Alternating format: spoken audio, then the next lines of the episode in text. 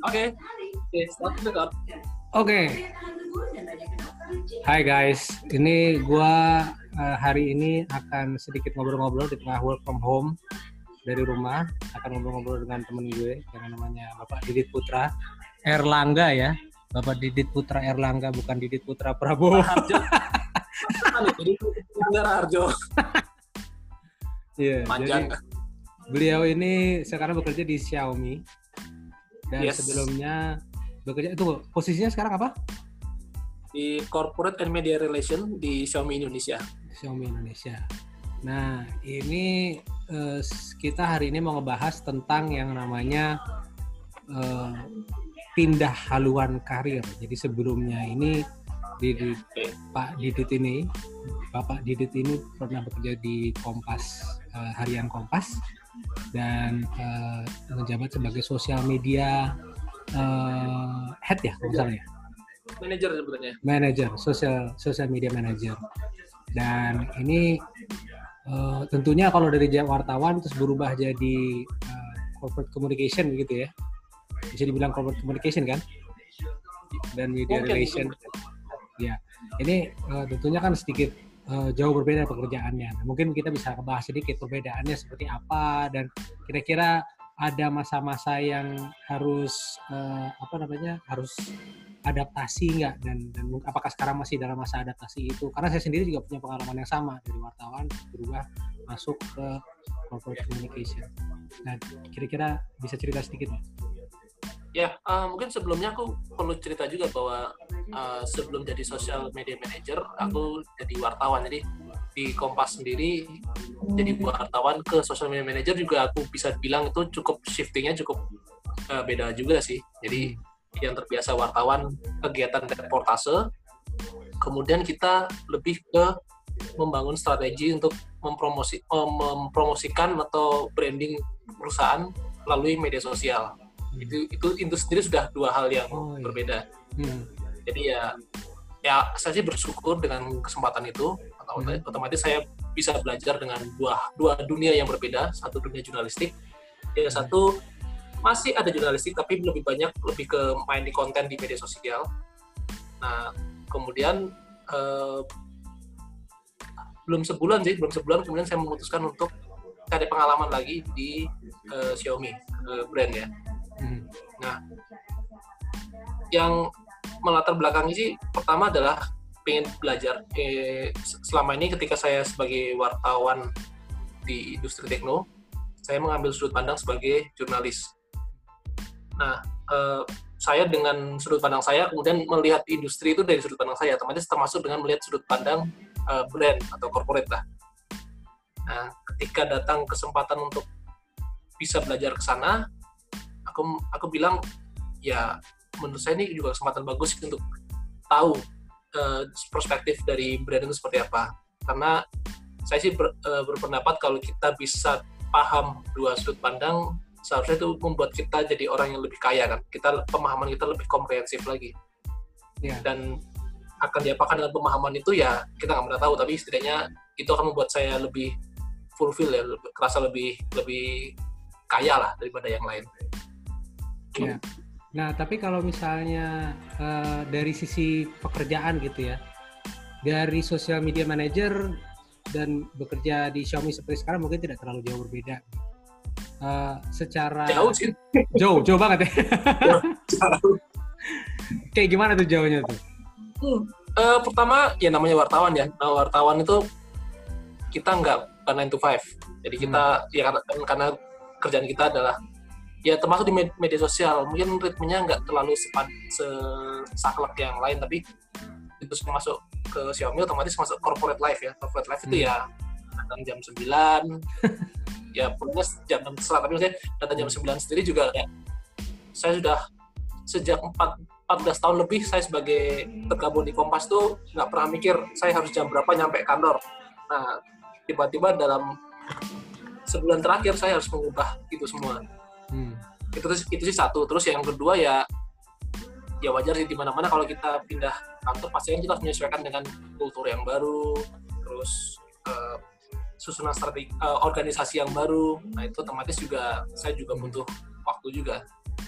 Oke, kalau dari segi apa ya produk yang dibuat ketika bekerja, kalau misalnya wartawan itu udah jelas, artikel gitu ya.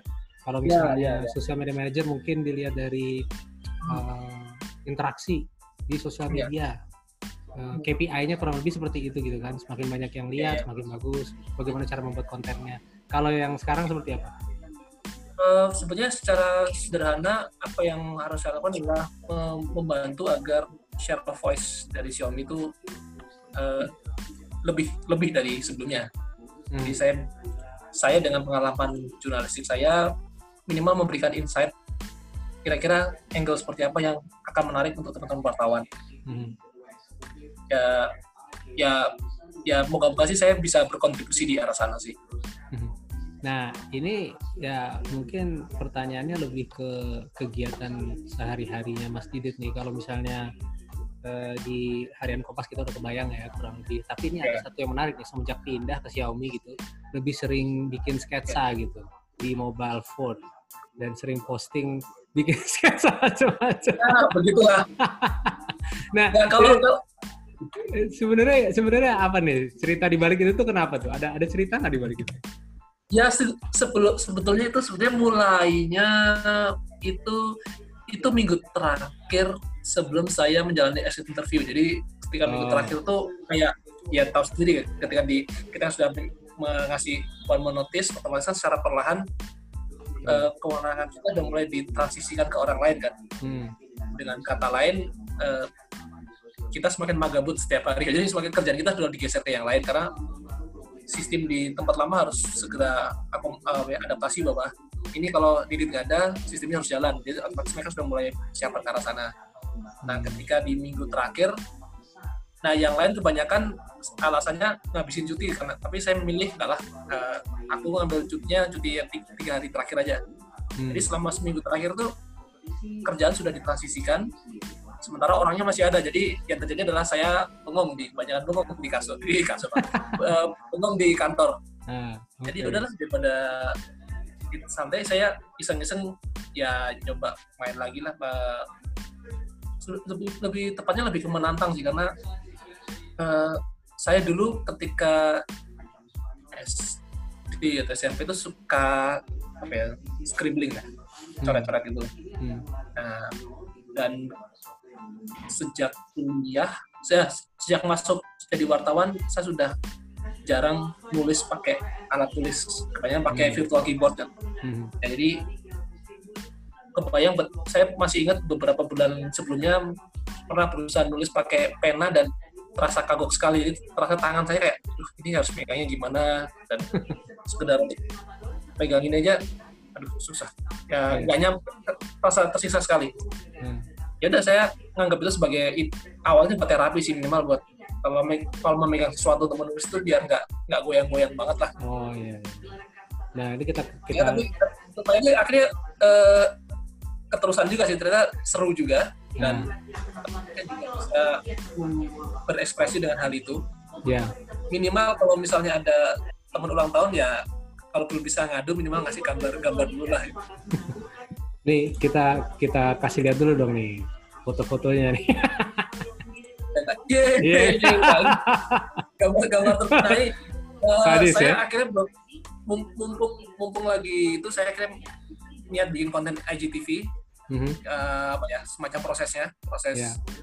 eh, tracingnya Hmm. karena yang saya lakukan tinggal eh, screen record ya saya tracing seperti biasa Ya. setelah beres aku edit lagi paling dipercepat 8 kali 8 kali eh kelewatan bukan bukan Nah Eh, ini ini ini kayaknya 8 pe- kali penuh penuh dengan ini sepenuh hati ini bikinnya nih gue yakin banget ini. iya oh gitu. ya terlihat kan hasilnya Yoi. Nah terus eh, itu kan udah eh, apa? Jadi setelah masuk Xiaomi akhirnya hobi itu diterusin gitu kan kurang lebih gitu kan? Iya, cuma memang masalahnya waktunya tidak selonggar masa-masa terakhir yang cerita kemarin, cerita Hmm. sebelumnya kan bahwa kalau awal-awal kan waktunya luang banget, jadi aku bisa sampai ya hampir seharian dah coret-coret itu. Hmm. Sampai istri pun komen, Mas, kamu lagi stres mas ya? ah, aku biasa-biasa aja tapi kerjaanmu gambar terus seharian tapi ya ya setidaknya ternyata secara uh, psikis cukup enak sih uh, cukup menyenangkan gitu ya yeah. cukup menyenangkan lihat ternyata oh bisa menghasilkan sesuatu lah Iya. Yeah. Nah selain uh, sketching, lu juga dulu sebelum jadi apa namanya? Sebelum masuk ke sebelum jadi social media manager malah sebenarnya ya. Yeah. Itu uh, rajin bikin video. Tapi terus nah. udah mulai nggak bikin video lagi nih. Ya nih. Nah, nah ada dia. rencana nggak? Ada rencana nggak untuk terus ya? Harusnya ada harusnya. Ya pertama sebetulnya ketika sosial media, ketika aku di sosial media masih sempat sekali dua kali kan kita juga sempat berkolaborasi. Oh iya iya. iya. Jadi di di buka lagi itu. Wah boleh boleh. Masak brownies. Ya. nah uh, ya itu sih cuma masalah masalah waktu aja. Sebenarnya saya masih pengen pengen bikin video. Hmm. Ya bahkan kalau nggak salah video-video perpisahan saya dari Kompas, hmm. saya bikin video juga. Oh, tapi videonya ditayang di mana ya? Uh, di Facebook, di IGTV juga kalau nggak salah. Oh, di IGTV. Oke, ini Coba kita... kalau bisa di, screen oh. terus di IGTV ada kok. Coba, kita lihat yang ini dulu. Iya. Ya. Ini hasil kolaborasi kita ya kan. ternyata menyenangkan sekali sih, uh, meskipun belakangan kemudian di dapat masukan dari istri juga soal tadi penempatan kompor lah gitu. Iya iya. Tengah tengah jadi kayak itu ya. Ya itu tapi ya ternyata itu serunya lah membuat video. Dan menurut saya harusnya kegiatan kayak gini tuh tetap dilakukan sih. Nah, aku mungkin di Xiaomi selama beberapa minggu awal itu mungkin masih overwhelming sih aku masih dalam fase adaptasi dulu harapannya sih dua bulan tiga bulan ketika sudah ketemu ritmenya aku akan punya waktu lebih banyak untuk melakukan hobi-hobi lain selain selain tracing atau yang lain itu yeah, yeah. ya nah ini kan apa namanya tadi sempat di mention antara YouTube sama uh, IGTV Instagram Instagram TV. Nah, sekarang kira-kira kalau dilihat dari uh, platformnya sendiri, maksudnya da, pengalamannya Mas Didi sendiri, menurut Mas Didi enakan ya. mana gitu, Instagram TV atau YouTube sekarang? Karena banyak orang yang eh, kadang-kadang pasang di YouTube, jadi dia pakai pendekatan omni channel gitu, dimasukin aja semua kontennya ke semua channel. Apakah Mas Didi juga sama kayak gitu? Ya resikonya kalau uh, konten yang sama masuk uh, IGTV dan YouTube formatnya beda. Kalau IGTV kan dia uh, portrait, YouTube bisa portrait, cuma maksudnya dia akan lebih nyaman untuk landscape kan. Mm-hmm. Jadi akan feelingnya akan beda. Kalau kita memasukkan ke IGTV bentuk port, uh, bentuk landscape akan ada kelihatan area hitam di atas bawahnya, ya itu nggak nyaman juga. Tapi ya itu masing-masing punya kelebihan. Kalau di YouTube itu audiensnya sudah gede, jadi ya ya udah kalau sangat mudah di discover dan banyak sekali uh, penontonnya masalahnya persaingannya keras hmm. sana itu udah ada ya ada ada jawara jawaranya lah jadi kalau kita pemain baru masuk itu agak susah kecuali kontennya memang kontennya kontroversial banget kayak apalah kayak kemarin tips mengisi hand sanitizer lah tapi itu jangan itu nggak boleh contoh-contoh baik nah, akhirnya orang jadi jadi terdorong untuk membuat konten yang kontroversial ya, salah terus mengundang hujatan demi mendapatkan hmm. view. Ya, ya. Uh, nah, persaingannya keras. Nah kalau IGTV uh, enaknya tuh dia bisa audiens di Instagram udah bagus kan. Nah hmm. Dia bisa saling cross ke feed, bisa cross ke uh, Instagram Story dan dengan mudah bisa di share ke oleh orang lain hmm. lewat storynya mereka. Jadi katakanlah aku ketemu IGTV yang menarik, aku merasa ini audiensku perlu tahu nih, udah aku share ke storyku, tanpa harus download atau macam-macam tinggal perintahnya gampang share to stories itu aja ya uh, ini baru ketemu nih uh, IG story eh, story IGTV video video di IGTV waktu Mas Didi pamit ya itu ya selengkapnya nanti bisa itunya sih Yoi. ya itu sih video-video ini video terakhir sih tapi yeah. ya harusnya ada akan ada lagi dan khawatir lah ini bikinnya kayaknya rada serius ya. Sama pakai handphone kita. Nggak pakai handphone. Iya, uh, pakai handphone terus nah kebetulan aku lagi iseng beli itu uh, lensa anamorphic jadi ya kelihatan lebih lebih pipih daripada yang lain Iya, daripada uh, Ya ini sih mah udah bukan 16.9 lagi ya. Kayak ya, tahu berapa nih? 19.9 kali. lebih ke sinematik lagi. Iya, sinematik lagi. Ya har- harapannya biar biar ada sinematik lah soal-soal sinematik tuh. ya. Hampir fish eye. Padahal iya ya setelah ini di video kelihatan nih eh, gedung Kompas yang baru ya, Kompas Tower. Hmm. Ini Ya. Kompas baru masuk si Mas Didit baru pindah ke gedung baru ya. Terus habis itu nggak berapa lama menduduki eh, kantor baru, terus sudah memutuskan untuk lanjut lagi eh, Ya, melanjutkan sih perjalanan karir di tempat lain. Ya, bayang saya sih proses sih. Jadi mungkin saya ngerasa bahwa uh, saya butuh belajar lagi. Terus Mhm. saya ngerasa tidak ada kesempatan datang, dari Xiaomi, ya aku ambil dan eh, jujur saja selama tiga minggu saya dapat hal yang baru sih. Hmm. Uh, minimal dari etos kerja mereka, terus bagaimana brand bekerja itu cukup menarik juga. Hmm. Eh, ada ini nggak? Mungkin ada sedikit apa ya? Mungkin pas eh, pindah dari Kompas nih kalau ini bicara di, di- apa namanya? Kalau misalnya saya refleksi ke pengalaman saya dulu gitu ya. Ada antara antara apa ya antara semangat karena ini adalah kesempatan baru ada petualangan baru gitu ya. Dan ada deg-degan juga gitu ya Ya ya. eh, ketika saya pindah dari karena ini sesuatu industri yang sama sekali baru saya nggak ngerti ini dari mana dan ternyata memang benar-benar baru banget. Saya dari wartawan TV kan dari wartawan TV terus pindah ke korporat. Nah ternyata pas korporat itu pekerjaan itu sangat dekat dengan pekerjaan eh, wartawan tulis sebenarnya. Jadi kayak cetak dan online. Dan pengalaman saya selama 9 tahun di televisi itu sangat berbeda setiap kalimat itu di eh, second guess diutak-utik lagi, diutak-utik lagi, diutak-utik lagi karena dulu yang kita uh, berusaha isi itu bukan lembaran kertas, tapi dalam bentuk narasi gitu, apa yang disampaikan uh, Iya. melalui audio gitu kan.